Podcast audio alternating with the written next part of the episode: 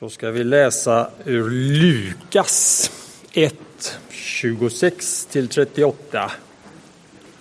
Och i våra röda biblar så är det allra längst upp. I vänster hörn börjar texten på sidan 724. I den sjätte månaden blev ängeln Gabriel sänd från Gud till en ung flicka i staden Nasaret i Galileen. Hon hade trolovats med en man av Davids släkt som hette Josef och hennes namn var Maria. Ängeln kom in till henne och sade Var hälsad, du högt benådade. Herren är med dig. Hon blev förskräckt över hans ord och undrade vad denna hälsning skulle betyda. Då sa ängeln till henne, var inte rädd Maria, du har funnit nåd hos Gud. Du ska bli havande och föda en son och du ska ge honom namnet Jesus. Han ska bli stor och kallas den högste son. Herren Gud ska ge honom hans fader Davids tron och han ska härska över Jakobs hus för evigt och hans välde ska aldrig ta slut. Maria sa till ängeln, hur ska detta ske? Jag har ju aldrig haft någon man. Men ängeln svarade henne, helig ande ska komma över dig och den Högstes kraft skall vila över dig. Därför skall barnet kallas heligt och Guds son. Elisabet, din släkting, väntar också en son, nu på sin ålderdom. Hon som sades vara ofruktsam är nu i sjätte månaden. Ty ingenting är omöjligt för Gud. Maria sade, jag är Herrens tjänarinna. Må det ske med mig som du har sagt. Och ängeln lämnade henne. Så lyder det heliga evangeliet.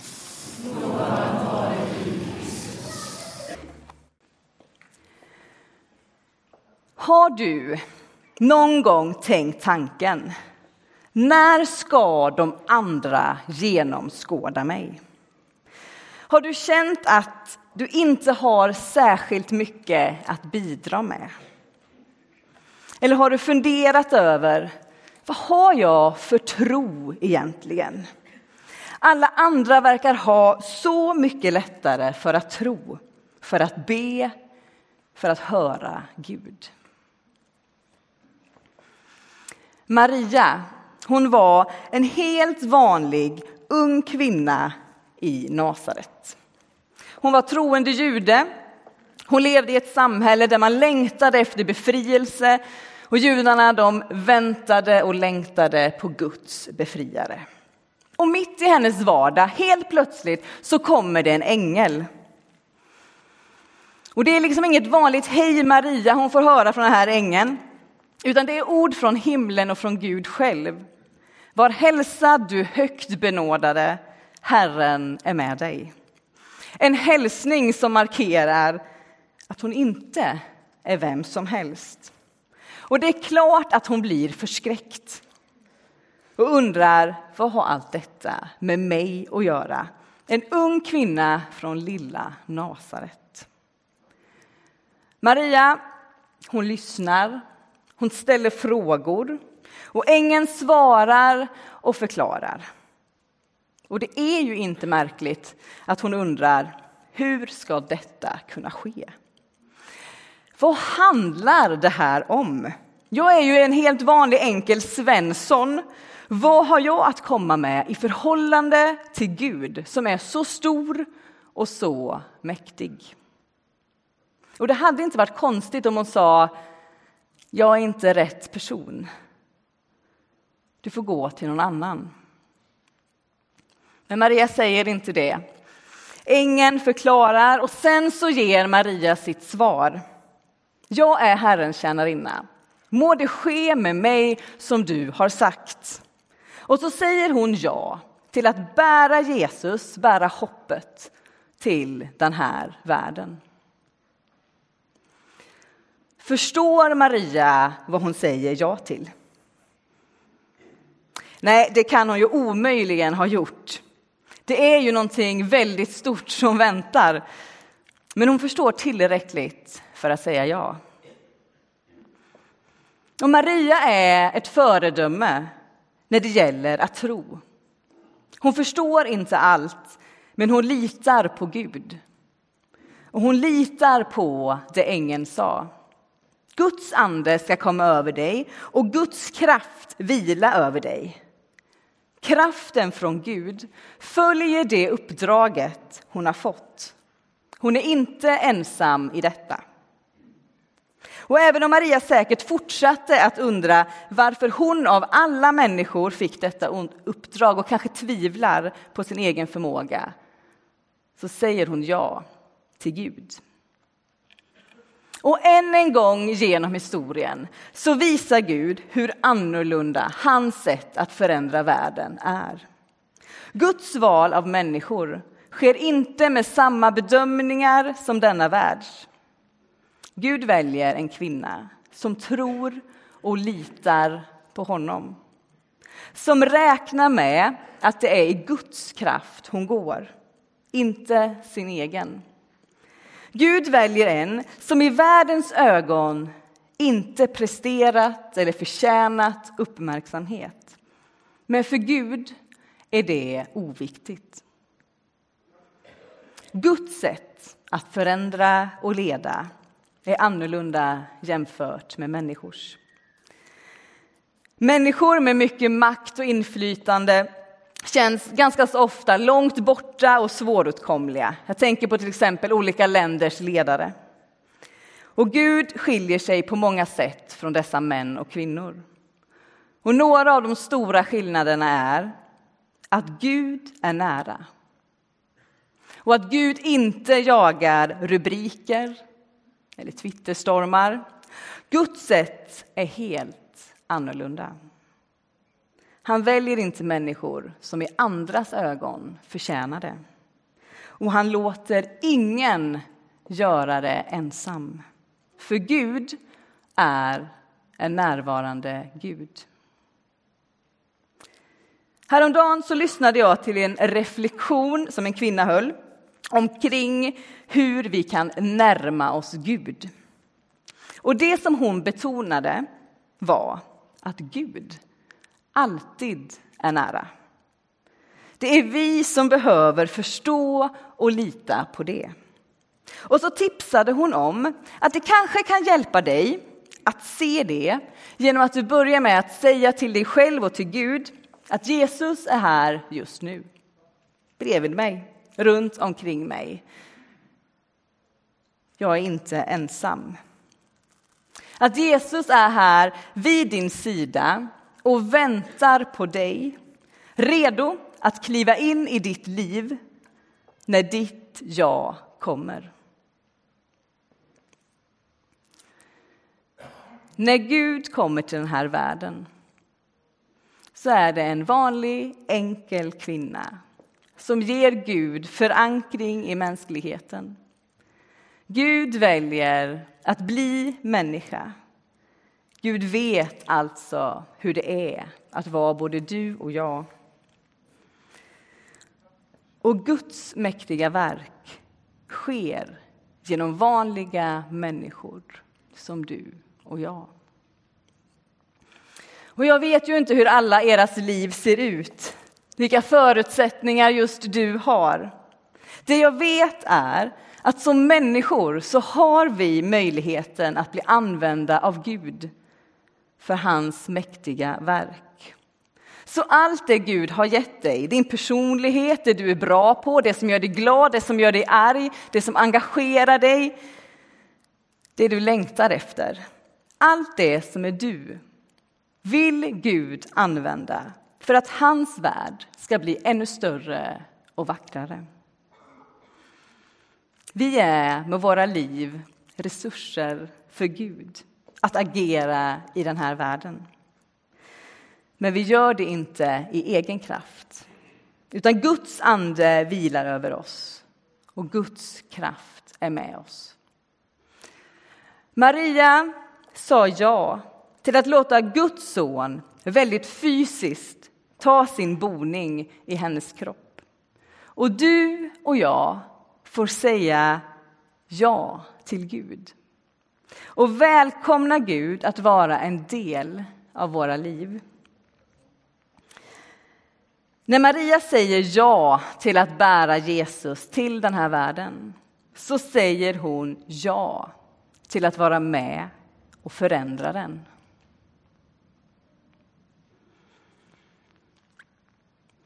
När ängeln besöker Maria så får hon också reda på att hennes släkting Elisabet också väntade ett barn. Och det var, det visste alla, helt omöjligt för Elisabet var alldeles för gammal. Men ändå så gör hon det. Och Maria hon beger sig till Elisabet som är en äldre släkting. Varför gör hon det? När hon möter Elisabet så bekräftar Elisabet det Maria har varit med om. Marias kallelse blir liksom lite mer på riktigt ser jag framför mig för Maria. Och sen så är hon en ganska lång period hos Elisabet och delar livet, frågor, tro och tvivel under en period i hennes liv som måste ha varit väldigt, väldigt, väldigt omvälvande. Vad viktigt det är att ha människor runt omkring oss, att dela livet med. Människor som kanske har varit med om något liknande. Det är en oväntad styrka i att dela andra människors berättelser. Berättelser som kanske liknar din egen. Och jag undrar om du har någon Elisabet att gå till när livet kanske vacklar eller svajar.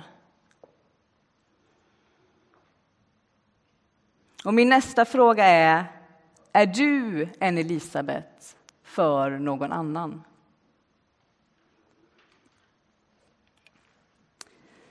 Jag har några Elisabettor som jag hör av mig till när jag behöver hjälp att reda i saker och ting. Och jag är så otroligt tacksam för dem. Att få sätta mig ner och säga så här är mitt liv nu, det här fattar jag inte och det här brottas jag med. Och så får jag bolla det med någon som kanske har lite mer erfarenhet av livet och tron. Och sen får vi tillsammans lämna det hos Gud i bön. Marias ja öppnar för att Jesus ska kunna komma in i världen. Gud blir fysiskt människa. Och våra ja öppnar för att Gud kan bli mer synlig i våra liv och i vår värld. Gud räknar med dig och mig, helt vanliga människor. Nu kanske du sitter och tänker, ja det här har jag hört förut och funderat kring. Och kanske är det så att du sitter och funderar på, vad är det som gör att jag ibland har så svårt att lyssna, att våga säga ja? Varför är det så lätt att tro att jag inte duger till? Är det bekvämlighet? Är det en rädsla över att inte duga? Lyssna då till ängelns ord. Var inte rädd. Herren är med dig. Du behöver inte förstå allt. Det kan du aldrig göra. Men Gud räknar med dig och då kan även du räkna med dig. Maria säger ja till att vara med och förändra världen. Vad är ditt svar?